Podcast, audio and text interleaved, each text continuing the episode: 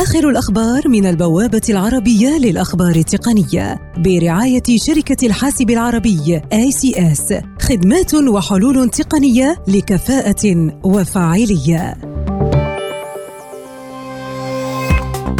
شركة فيسبوك تسجل هذا الأسبوع انخفاضا نادرا في الأرباح الفصلية بعد سلسلة من فضائح انتهاكات الخصوصية حيث يتوقع أن ينخفض صافي الربح إلى 4.7 من عشر مليار دولار في الربع الأول من حوالي 5 مليارات دولار قبل عام.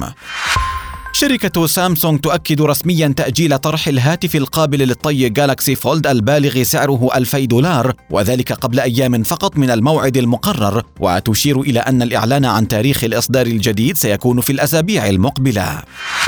شركة أبل تقترب من أن تكون إحدى أكبر عملاء خدمة Amazon Web Services بإنفاقها حوالي 360 مليار دولار سنويا على سحابة أمازون وفقا لتقرير نشرته شبكة CNBC. بعد انتهاء أزمة كوالكوم وآبل توقعات بأن يأتي إصدار هاتف آيفون لعام 2020 يدعم شبكات الجيل الخامس 5G ويعتمد على عتاد من شركة سامسونج ويتوقع أن يكون له تأثير كبير على المبيعات.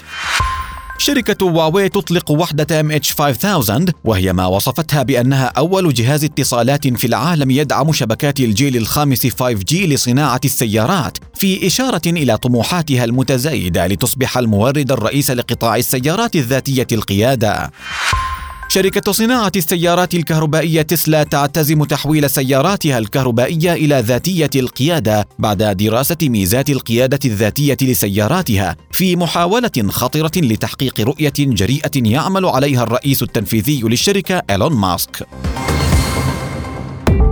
آخر الأخبار من البوابة العربية للأخبار التقنية برعاية شركة الحاسب العربي ACS خدمات وحلول تقنية لكفاءة وفاعلية.